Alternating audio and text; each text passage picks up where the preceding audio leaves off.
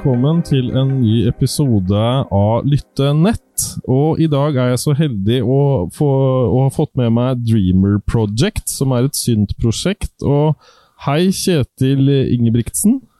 Hei sann. Hei. Eh, du driver med synt. Ja, jeg liker å si at jeg driver og lager eh, elektronisk instrumentalmusikk, og eh, har liksom ikke plassert meg i noen bås, for jeg mener at musikken min er noe som alle kan høre på. Ja, men uh, det, det, er, det, er, vel ikke sånn helt tilfeldig at jeg har plassert deg litt sånn i uh, Fredrikstads uh, svar på Vangelis. Det, det, det, er, jo stor jeg, jeg, liker jo Vangelis veldig godt sjøl, og, og, du har jo en veldig sånn Mye av den veldig avslappende effekten som han, han får til, da, syns jeg. Altså, Vangelis, for å si det ærlig, så er det en av mine favorittkomponister. Og det er klart man er inspirert, ja. men uh, man når jo ikke en sånn storhet opp til anklene engang. Det er rett og slett uh, en utrolig dyktig komponist. Ja.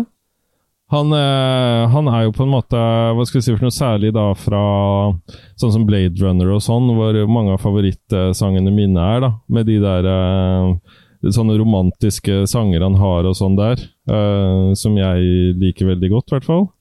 Ja, jeg syns jo at en del av studioalbumene hans er veldig bra. Jeg er ikke så glad i filmmusikken, bortsett fra 'Chariots of Fire' og kanskje filmmusikken til uh, Alexander. Ja. Eller så har han jo fantastiske studioalbum. Han har jo en kjempesvær katalog. Og jeg må innrømme jeg har mesteparten i CD-hylla ja, ja. Det har jeg. Jeg liker godt å høre på han. Ja. Hører du på vinyl eller uh, CD? Når det gjelder synt og elektronisk musikk, så er det CD som jeg syns egner seg best. Ja. Og det er på grunn av det at uh, på en plate kan det fort bli litt knitring og ren digital lyd. Ja. Da er det ikke noe hyggelig med peiskos, som vi pleier å si. Nei. Uh, jeg har jo sett uh, deg framføre live to ganger. Ene gangen var i Fredrikstad, hvor du var på den Verdensspeilet. Uh, og Stemmer. Jeg husker ikke hva anledningen var, men det var i forbindelse med noe arrangement i Fredrikstad, mener jeg? Det var vel eh, Kulturnatt i Fredrikstad den gangen vi hadde konsert på Verdensspeilet, så det ble vel sånn mer eller mindre offisielt en del av hele det opplegget med gratiskonserter i Fredrikstad, hvor folk kunne komme og gå og oppleve veldig mye forskjellig musikk. Ja. Og der spilte jeg jo sammen med min gode venn Glenn Main, mm. som har betydd utrolig mye for meg, og han har backa meg opp veldig mye ja. gjennom hele min uh, karriere i forhold til elektronisk musikk. Ja. Mm. Uh, han, uh, han, spilte jo også nå med deg Eller dere spilte mer annenhver gang nå her oppe i, i Sarpsborg, i gågata, når dere spilte sammen der det som skjedde der oppe, var at jeg innleda med tre låter, og så spilte han en konsert. Ja. Så jeg var vel på en måte en slags oppvarming. Mm. Men vi har gjort en del Vi pleier å spille sammen sånn cirka en gang i året. Ja. Han er en veldig travel mann, men ja. eh, jeg tror han syns det er moro med de der konsertene vi gjør, og at vi er to stykker i Norge som driver med instrumental elektronisk musikk. Hvis man hører på katalogen hans, så er det veldig mye forskjellig. Mm.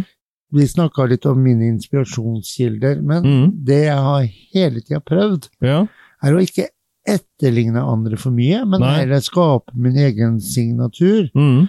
Og jeg er litt stolt når folk sier at ja, men de hører Ja, det er eh, Kjetil-musikk eller Dreamer Project. Ja.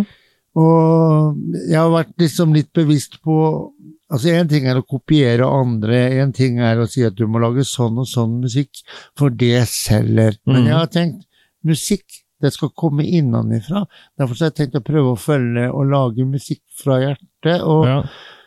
føler vel egentlig at på en måte så har jeg fått litt til det, da. ja. Uh, og sette mitt preg på ting, og folk hører at, at, det er, at det er en signatur der. Og det er litt moro, det er jeg faktisk ganske stolt av å ha fått det. Mm. Ja, det, det syns jeg absolutt uh, du har. Og det er jo veldig mye følelser i, i musikken din. For selv om ikke det er noe vo- vokal eller noe sang, eller sånn, så er det jo veldig mye, mange lag i musikken din. Sånn som jeg opplever det, i hvert fall. Ja, men altså, jeg tenker at musikk skal komme fra hjertet. Ja, Og når du skaper musikk altså, Det er jo ikke noe gærent i å legge følelser i musikken. nei, Fordi at uh, det å skape stemninger og gode melodier og legge følelser i det, det, det syns jeg da bare er et pluss. mm. Nei, men jeg, jeg syns absolutt uh, jeg, jeg har jo litt sånn uh, Jeg tenker litt sånn at verden trenger liksom å slappe av litt. Og da føler jeg liksom Dreamer Project er veldig med på det. Og, og på en måte kanskje liksom ta vare litt på miljøet, da. Og få liksom kanskje ting til å få litt mer hvilepuls.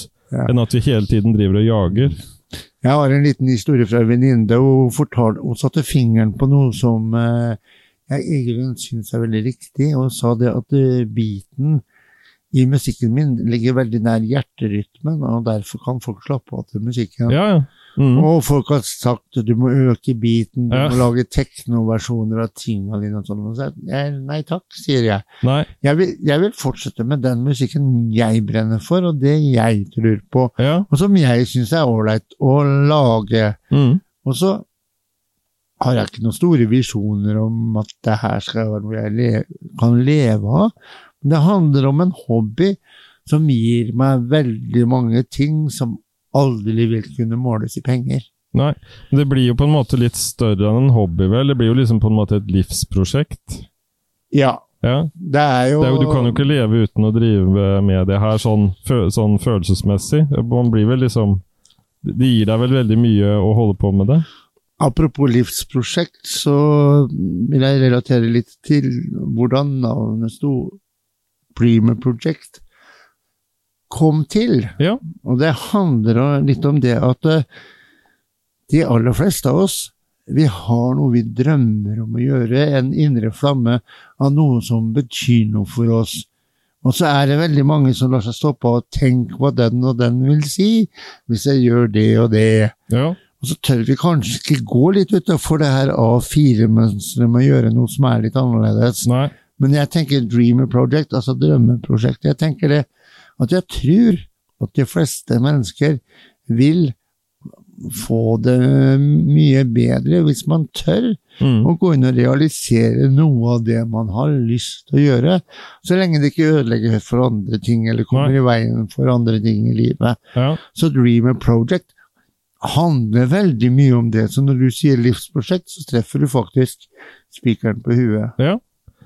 Um, opplever du det som Eller er- er- hvor, hvor- mange år tilbake er det at du begynte å, å drive med live? Det er ikke så veldig mange år siden, og jeg tenker meg sjøl først og fremst som komponist og ikke liveartist. Nei? Eh, Var det Glenn som pusha deg, eller? Nei, pusha, pusha. Han, Ja. han hjalp til, sånn at uh, At eh, jeg kommer på scenen. Og det morsomme er, er at eh, sånn jeg ble kjent med Glenn, det var jo rett og slett at jeg oppdaga at Glenn han spilte på en tilstelning for Sjarrefanklubben i Norge. Mm. Da gikk jeg inn på nett, jeg googler og sjekker, det er ganske god til å finne fram. Så fant jeg videoer med musikken hans og alt mulig. Så tenkte jeg litt sånn Kan han, så kan jeg, tenkte Mm. jeg. Ikke det at jeg er i nærheten av den statusen som han har, for han har kommet ganske langt, men jeg tok nok kontakt og sendte noen eh, demoer som kanskje ikke var helt i takt og ikke helt uh, veldig bra, men fikk en kjempehyggelig tilbakemelding, Mm. og etter hvert så traff vi hverandre, og han på en måte motiverte meg til å tørre å starte med dette her Ja. og gi ut CD-er og, og, og sånn, og har vært Selv om han er veldig travel mann, så har Mm. han vært en utrolig viktig støttespiller for meg, altså. Mm. Ja, absolutt vært. Og så er det en positiv fyr ja. som backer opp og framsnakker andre. Mm. Det er en veldig god egenskap som Glenn har. Ja. Mm. Han, og så er han så veldig sånn uformell når man treffer han og sånn, og enten han driver og pakker ned utstyr eller driver rigger og sånn. Ja, hei, og liksom det, Han er liksom sånn Ja da. Det er Alltid eh, lett eh, å nå, og du når, når fram til den. Ja da, ja, da absolutt. Og Vi har jo vært på den sist nå i sommer så var vi jo på en uh, guttetur sammen. Ja. Og han skulle spille på Escape i England, og vi fikk en dag sammen i London og hadde det kjempegøy. Ja. Blant annet så havna vi på en jam. Ja? Glenn drev og googla når vi hadde en hel dag i Ja, ja. London. Da måtte vi på jam. Og det vi ikke visste, var at den jammen var jo faktisk i kjelleren på London Hilton, et av Londons mest fasjonable hotell. Oi. Men der var vi, og, Ja. og Glenn spilte og sånn. Det var ganske mange Rolls-Roycer som stoppa parkert utafor der. Ja, ja. Ordentlig morsomt minne. Ja, så moro. Måtte dere gå i sånn eh, sti, stive snipper og dress Nei, og sånn, nei, nei, nei, det var en kjellerpub på. London Hilton som var veldig uformell. Glenn hadde med seg gitaren sin, Ja. og der var en rapper og en annen musiker som hadde jam session den kvelden, og Glenn hev seg på. Og det finnes det videoopptak av på nett, Kult. faktisk. Ja, Kjetil, når du begynte å lage musikk, så er jeg sånn litt nysgjerrig. Hva, hva brukte du av hardware, utstyr og Sånn som podkasten her er jo veldig teknisk interessert, så vi sikler litt etter sånn tekniske detaljer. Ok. Det er egentlig ikke så veldig spennende, annet enn at jeg alltid har jobba på en iMac. Ja. Og historien der er at eh, jeg var på Four Sound i Oslo og fikk demonstrert Logic. Mm. Før det hadde jeg prøvd meg på Cubase og satt og klødde meg i hu- huet en halvtime, og så fikk jeg ikke lyd. Nei. Men nå fikk jeg demonstrert Logic i Oslo, og så fikk jeg prøve det, og så Det der, det var tingen for meg. Så noen uker etter det, så kjøpte jeg min første iMac og et rimelig lydkort og et midi-keyboard og noen monitorer, og satte i gang. Og det er vel eh, tolv år sia i hvert fall. Ja. Når det gjelder utgivelser og sånn, så Ja. har jeg gitt ut musikk nå i ti år. Ja. Og derfor så er det jo snart aktuelt med en samleplate. Det kan vi komme litt Ja, tilbake til ja. etterpå. Men, men, men du, var, du, du, du um, Har du vært på en måte interessert i musikk helt siden du var liten, eller? Ja, vi mm. kan si det sånn at jeg, de, når jeg var ni-ti år, så begynte jeg på orgelskole i Fredrikstad. Så jeg Ja. spilte Det var den gangen man hadde orgler da, med to manualer og bass.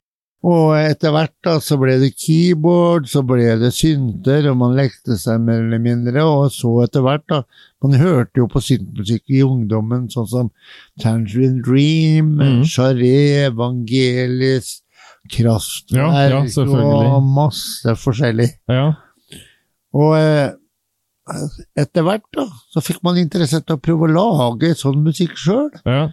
Og venner rundt meg drev jo stort sett med synthpop. Jeg kjenner jo blant annet Sebastian Komo, Rikard Bjørklund, eh, folka fra Echo Image, ja, Per Aksel, jeg har vært hjemme hos Stefan Groth. Altså, det er jo et stort miljø i Fredrikstad. Mm. Ja.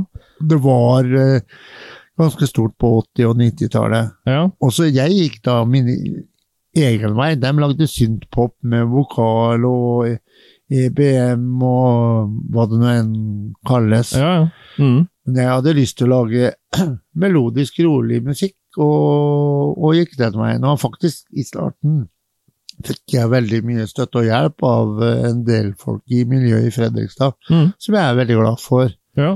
Og sånn som Rikard Bjørklund har jeg jo god kontakt med den dag i dag, og han er fortsatt en veldig fin rådgiver for det jeg driver med. Ja. Eh, Så, så du, men du har ikke Du har brukt bare software hele tiden? Ikke noe hardware? Ikke noen keyboard, eh, synter? Jeg har hatt diverse keyboard og synter, jeg har, har mista tellinga, men når det gjelder å lage musikk Ja. og få det ned Da er det lettest er det på maskin? Softsynter eh, har jo faktisk blitt såpass bra i dag pga. kapasiteten på datamaskiner. Ja. Og så syns jeg det er enklere å ha et integrert system hvor du kan spille inn spor for spor og velge en lyd. Men det er klart når du spiller live, så bruker du synter. Mm. Og eh, jeg tror jeg har mista tellinga på mange synter jeg har hatt. Så Ja. det, er, det, er en, eh, det er ikke noe billig hobby, men det Nei. er en morsom hobby. ja. Så eh, det av synter, så min første var vel Poli 800, og så var det en Roland SH5. Oh, ja. Svært beist på 18 kilo, som så ut som en sånn svart firkanta koffert. ja. Den eh, Jeg tør ikke si hva jeg solgte den for den gangen jeg solgte den, men i dag Ja. så kan jeg vel gange prisen med ti hvis jeg skal ha tak i samme synten. Såpass, ja. Ja, det er, det er ganske spesielt, men den var en morsom sak. Ja. Så jeg anbefaler folk å google Roland SH5, hva Mm. det heter. Ja. Mm. Da finner vi en morsom analogsynt. Ja. Absolutt. ja. Men øh, var det sånn når du gikk og lærte å spille orgel, ble det mye sånn at du satt også på en måte Jeg, jeg falt i hvert fall alltid for fristelsen etter hvert som jeg satt med sånne ting, så ble jeg sittende og trykke. Så jeg, jeg ble alltid litt sånn fascinert av hva alle ting gjorde og sånn. Øh, var det litt sånn med deg òg, eller? Nei, egentlig ikke. Fordi at eh, jeg hadde jo bakgrunn fra skolekorps, hvor jeg hadde hatt et notekurs, jeg kunne jo noter veldig godt, så for meg så var det å spille og øve inn låter, og man kjøpte notehefter av noen favorittartister, og lærte seg å spille de sangene og alt sånt. Jeg gikk jo en seks-syv år på kurs eh, hos Stensvik Musikk, som det het den Ja, gangen, Ja. Mm. og lærte masse. Ja. Jeg gjorde det. Ja. Og planen var jo egentlig å uh, gå musikklinja og studere til organist, men så er det det når du er i tenåra, så plutselig så hadde du ikke så lyst, og så valgte du vanlig videregående skole. ja. Så sånn ble det. Ja. Men eh, kanskje det var det som var meninga, at jeg skulle komme hit jeg er nå, med ja. Å jobber med elektronisk instrumentalmusikk. ja. Da har du liksom funnet din vei. Ja, Ja. det er jo, man kan trygt si at i mitt tilfelle så er det sånn at veien blir til mens man går. Ja, ja. Men musikk har alltid vært en veldig, veldig viktig del av, i livet mitt. ja. Det har det. Mm. Det, er, det er et, det er jo et uh, universalt språk, så man kan liksom snakke med hvem som helst. Sånn mer eller mindre. Ja, det er et godt eksempel på det er en historie fra Terje Rypdal. Han hadde vært i Sør-Afrika, møtte en del musikere. Ingen av dem kunne språket til hverandre, de kunne ikke snakke sammen. Men når de begynte å spille jazz sammen, da var det full kommunikasjon Ja, ja, en gang. Så det der med at musikk er et universelt språk, det Mm. stemmer veldig godt, altså. Ja. Um, går det an å spørre litt om prosessen når du lager uh, låter?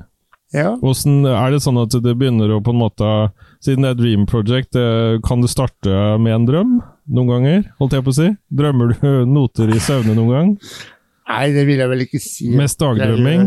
Ja. Det vil jeg vel ikke si at jeg gjør. Som Nei. det starter for meg, er at jeg kan sette meg ned, og gjerne tidlig om morgenen. Mm. Jeg er unntaket som bekrefter regelen når det gjelder musikere. Jeg er A-menneske. ja. Og jeg kan stå opp, være utfylt, spise frokost, ha minst mulig støy rundt meg før jeg setter i gang. Gjerne ikke sett på radio, TV, CD. Ja. Og sette meg med datamaskin. Og begynne å improvisere. Finne noen lyder, begynne å improvisere. Mm. Og da finner man fort ut om det er dagen for å lage en låt, liksom. ja. ja. Kommer man da på en tema, så begynner man å spille inn, og så begynner man å bygge med, gjerne med akkorder og melodier, og så legge på trommer og bass og sånn Ja. etter hvert, og så arrangere dette ut. Og så jobber jeg ofte etter sånn Jeg jobber litt sekvensielt, da. Det vil si at du spiller gjerne inn et tema på 16 takter, du legger på en del ting under det. Mm. Og så arrangerer du det ut med å klippe og lime og, og dele, og så til slutt, når du har fått blåslengden, så legger du på krydderet. Ja, er Effekter, ekstra, en ekstra arpeggio, eller sånne ting. ja. Og det er eh, det som er så fint med et verktøy som Logic, er at du kan jo på en måte aldri gjøre feil. Mm. Det er bare å sette seg ned og leke med toner og klanger og lyder. Og det som er så herlig med det, er at det er bare du som kan sette grensene. Mm. Du sitter her og du er, er på en måte i en egen verden, og det er egentlig en ganske herlig følelse når du sitter og lager musikk. ja. Syns du Logic bare har blitt bedre og bedre siden du starta med det for ti år siden, eller syns du ja, du syns de har hatt riktig kurs i forhold til det å utvikle på en måte forholdet med deg som musiker? Ja, nå har jeg vel egentlig aldri stanga i taket på Logic, men eh, Logic er logisk. Mm. Det er intuitivt. Du finner fort fram. Ja. Og eh, for folk som har lyst til å begynne med musikk, begynn med Logic. Det anbefaler jeg absolutt, fordi at eh, du får mindre begrensninger i den kreative prosessen Mm. når verktøyet du har, er lett å bruke. Ja. Mm. Jeg har brukt Logic litt sjøl også, til litt sånn vignetter og litt sånn forskjellig. Jeg må jo si det at eh, I hvert fall fram til det punktet hvor jeg hadde brukt mye Cubase og sånn forskjellig, da, så syns jeg på en måte, som du sier, at Logic er logisk. At det på en måte du, du finner Det er ikke alt som er like lett å finne ut der, men det er i hvert fall logisk. sånn sett. Ja, og da også er det litt sånn eh, Prøv og feil. Ja. Og learning by doing, det er det beste. Og et Ja. annet tips til folk der ute, hvis det er noen du lurer på. Mm. YouTube er ikke bare musikkvideo og film. YouTube er et lass med tutorials for det aller, aller meste. Ja. Så det har jeg brukt mye. Ja. Det anbefaler jeg folk hvis det er noe du lurer på når det gjelder program du jobber med, enten det er Logic eller andre ting. Søk på YouTube. ja. Det må jo være det beste læremesteren, tror jeg, som fins. I hvert fall eh, med alt som ligger der nå. Ja, er, for folk tenker kanskje ikke på YouTube på den måten, Nei. men der har jeg plukka opp mye. Og en Ja. annen ting, når du er musiker og glad i synter og nysgjerrig på det som skjer der ute, Ja. på YouTube kommer presentasjonen av nye ting veldig tidlig. Ja. Og jeg har brukt mange timer på å sitte på YouTube og se på ting, og jeg har også funnet tips og bra eh, verktøy og valgt synter ut fra ting jeg faktisk har sett på YouTube. Mm. Det, det er absolutt anbefaler alle andre, altså. Ja. Um, har du noen sånne nå, nå skal du jo på en måte ikke avsløre mer enn det du ønsker, men jeg liksom tenker på i forhold til softsynter og sånn, er det noen softsynter du vil, vil anbefale? Mer enn uh, noen andre, holdt jeg på å si? Er det liksom Det kommer litt an på bruken, men jeg er veldig glad i Omnisphere. Ja, den har jeg hørt om. Ja. Ja. Det er et det er nest, det er, Du finner det meste der, men Ja. så kommer det an på bruken. Omnisphere er veldig kjekt. Men for nybegynnere så vil jeg anbefale å gå inn på Native Instruments. Der ligger en uh, gratispakke Mm. Som er eh, veldig, veldig bra, og som inneholder veldig mye. Og de har også billige komme i gang lydkort, hvor den gratispakka og en del andre instrumenter følger med. ja. Men uh, ser du på eksempel at Omnisphere som koster mellom 3000 og 4000, jeg vet ikke eksakt prisen, Nei. ser du hva du får i den pakka kontra å kjøpe en hardware-synt til eh, fire-fem ganger så mye, Mm. så er jeg ikke i tvil om hva jeg ville valgt. Uh, Omnisphere er uh, et fantastisk verktøy, og særlig veldig godt egnet for oss som lager ambient. Mm. Ja. Uh, hvor, hvor, på en måte, hvor, hvor lenge har du kjent til ambient som sjanger? På en måte Har du helt siden den kom, nærmest? Fordi når jeg gikk på folkehøyskole eh, rundt slutten av 90-tallet, så hadde jeg aldri hørt om ambient musikk. Det var første gangen jeg hørte om det. Jeg vil vel si at jeg har kjent til ambient helt siden tenåra. Ja. Da jeg begynte å høre på Tangerine Dream, og falt virkelig for dem da Tangram kom i 1980. Ja. Det albumet kom ut når jeg var 16 år. Før det så hadde jeg hørt både Charre og Rick Wakeman og litt Vangelis og Tangerine Dream. Men når Tangram kom i 1980, da var jeg frelst. ja.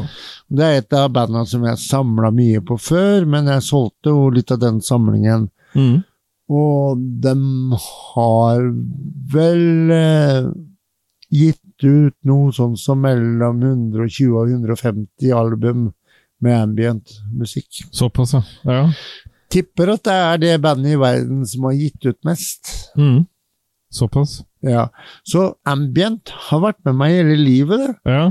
Og venner og sånn fortsetter jo å høre på det, men i vennekretsen min så er jeg vel den eneste som har la, aktivt laga ambient og gitt ut musikk. Jeg har jo noen som har det litt som hobby og, og sånne som har eh, en kamerat eh, jobber med i forhold til New Age og meditasjon. Mm. ja. Men uh, jeg har vel aldri vilt knytta musikken min opp til uh, New Age. Nei. Jeg mener at det er ganske allment å høre på rolig, melodisk, elektronisk musikk. Ja.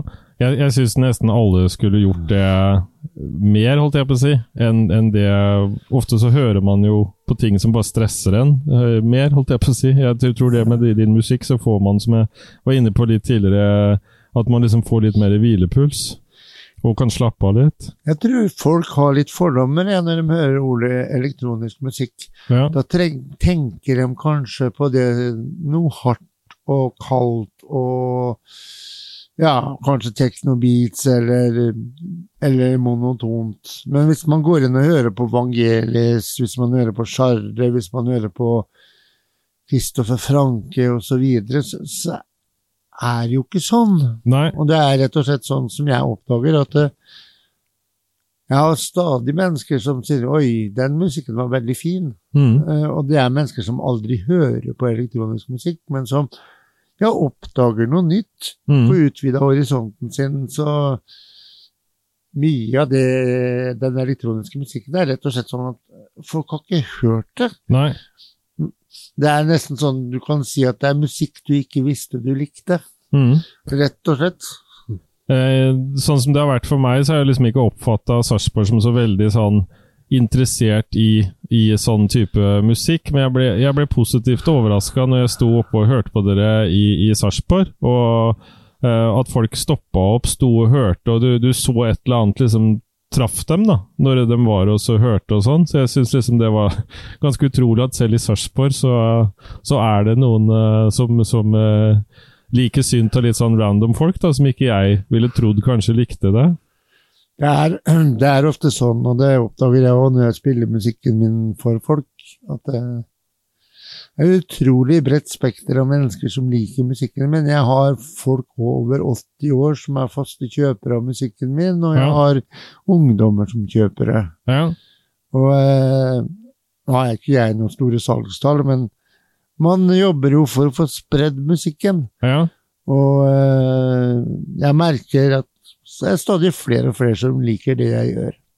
Eh, Du, du har jo også uh, jobba aktivt med musikk i form av at du har skrevet for musikkavisa og sånn, etter det jeg forstår? Det som er saken, er at musikkavisen.no ble til som en idé i fellesskap mellom meg og søskenbarnet mitt, som den gang drev en webserver. Oh, ja. Så musikkavisen.no domenet kjøpte jeg, og jeg starta den i år 2000. Ja. Og det var faktisk fem år etter at VG kom på nett. Oh, ja. Ja vel. Og vi holdt på vel i fram til 2012-2013. Ja. Og eh, på det meste så hadde vi 800 000 sidevisninger på ett år. Ja. Og vi var eh, og ble godt lagt merke til i norsk musikkbransje. Ja. Men det som var- feilen vi gjorde, vi tenkte ikke inntekter. For hadde jeg visst det jeg vet i dag, Mm. så hadde vel det vært levebrød. Men Ja. så var det sånn at uh, frilansere kom og gikk, og etter hvert så ble det vanskeligere og vanskeligere å opprettholde det her. Ja. Så den ble også solgt, og eh, vel også delvis avvikla fordi at jeg ville satse på egen musikk, og føl følte vel at jeg ville komme i en dobbeltrolle som musikkritiker og som en som ga ut musikk sjøl. ja. Mm. Den dobbeltrollen hadde jeg ikke lyst til å være i. Nei. Så jeg fikk en ny eier som hadde ambisjoner, men han klarte aldri å få dette her ordentlig opp. Nei. Så den er i dag avvikla, men eh, du verden, det er et prosjekt jeg er stolt av å ha gjennomført, og et Mm. prosjekt som har gitt meg masse kontakter, og jeg har lært masse om norsk musikkbransje. Ja.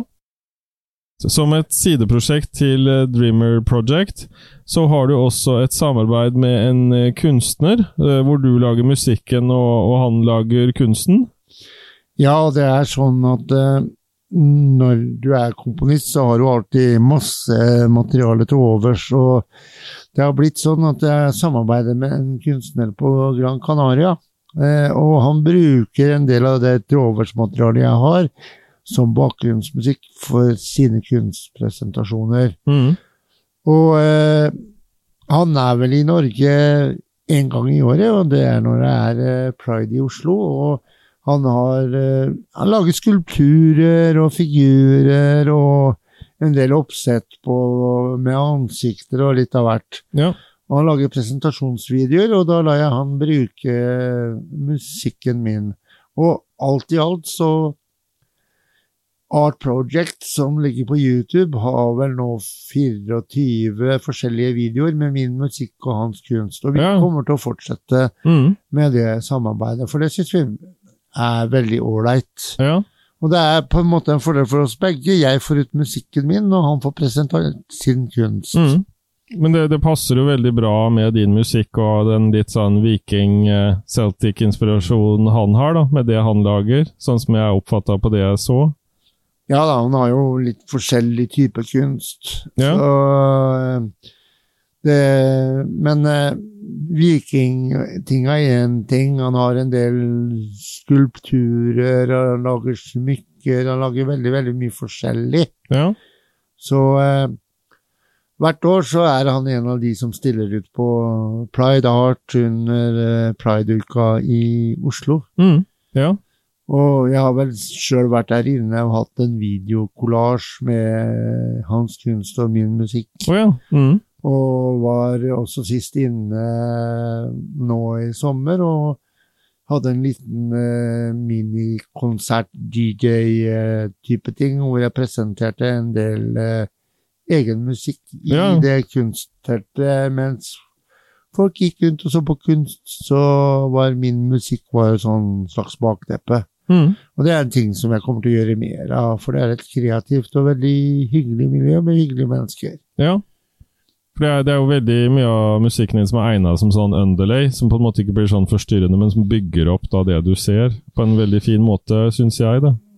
Og det er jo den veien jeg håper å gå Ja. eh, i forhold til musikken min. Så hvis det er folk der ute som trenger musikk til videoprosjekter eller andre ting, så er jeg veldig glad for å bli kontakta. Har du delt noe musikk under sånn Creative Common-attributt, eller? Hvor du, du velger åssen folk kan bruke musikken videre? Nei, det opplegget kjenner jeg faktisk ikke til. Nei?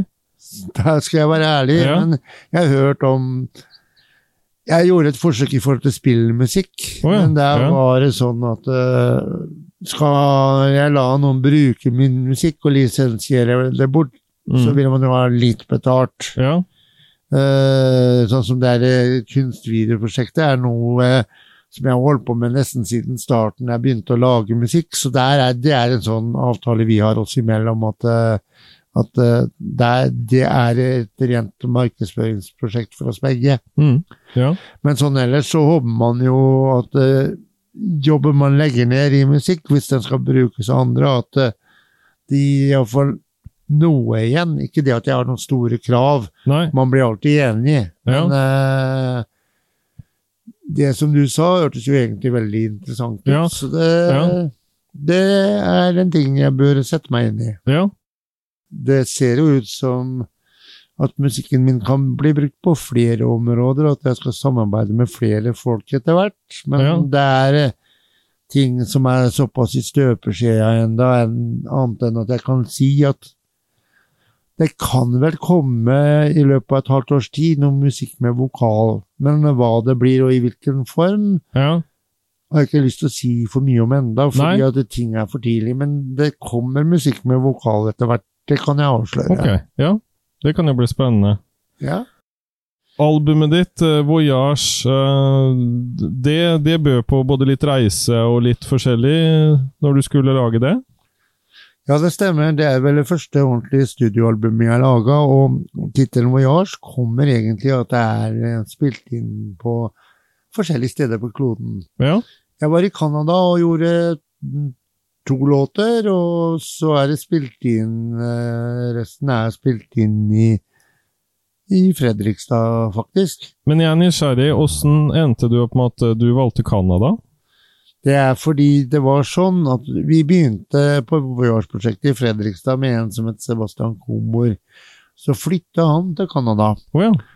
Så dro jeg over dit på ferie, og i, i den ferien, da, som en del av den, så spilte vi inn to låter der borte. Mm.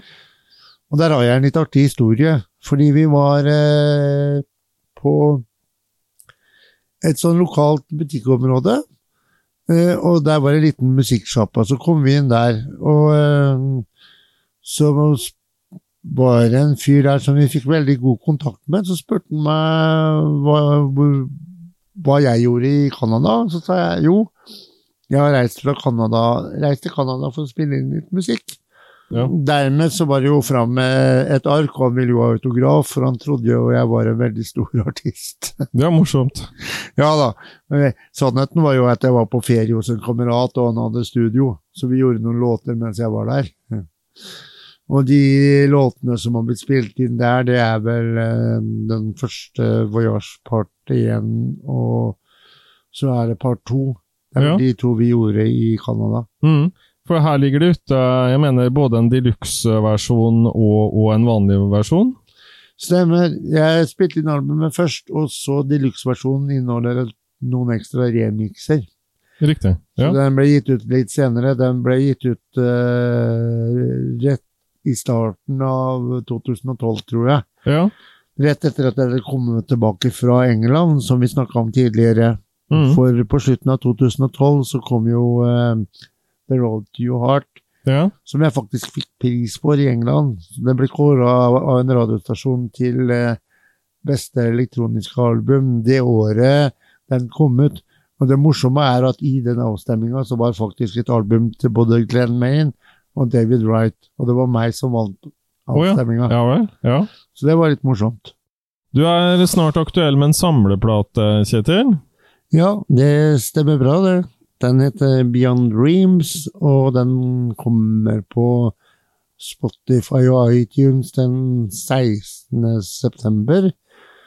Og er en slags oppsummering av de første ti åra med Dreamer Project. Mm. Den blir også utgitt på en Digipack CD-utgivelse, som blir å få kjøpt i Sarpsborg på retrovinyl, og den vil også være tilgjengelig på nettbutikken til AD Music. Ja.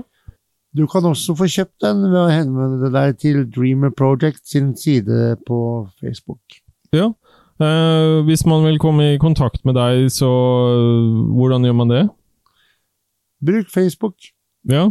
Jeg heter Kjetil Ingebrigtsen. Søk meg gjerne opp der, eller søk opp på artistnavnet Dreamer Project. ja. Og du ligger jo da ute da blant annet på, på YouTube og på Spotify og de vanlige steder der musikk ligger ute, kan jeg si det? Ja, YouTube er mer det sideprosjektet vi snakka Ja. om. Jeg har lite musikkvideoer ute, men man kan si Spotify, iTunes, Apple Music, alle de stedene hvor du får kjøpt musikk digitalt, Ja. vil, er musikken min tilgjengelig. Ja.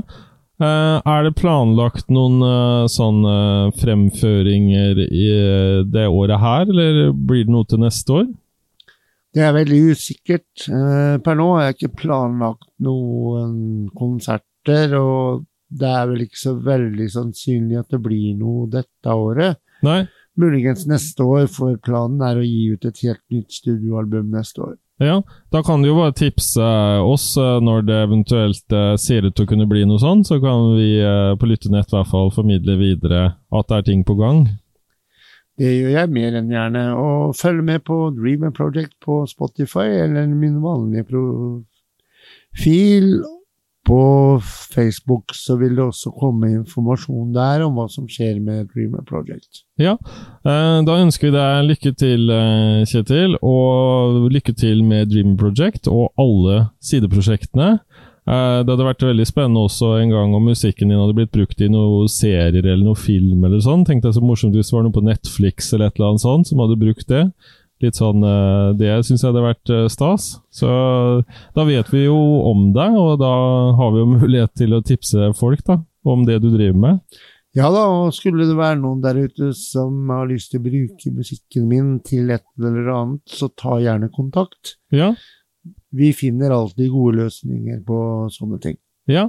Da sier jeg tusen takk. Tusen takk for Ja. at jeg fikk lov å komme, og så håper jeg at noen av lytte.nett sine lyttere blir litt nysgjerrig på hva jeg driver med. Det tror jeg helt sikkert.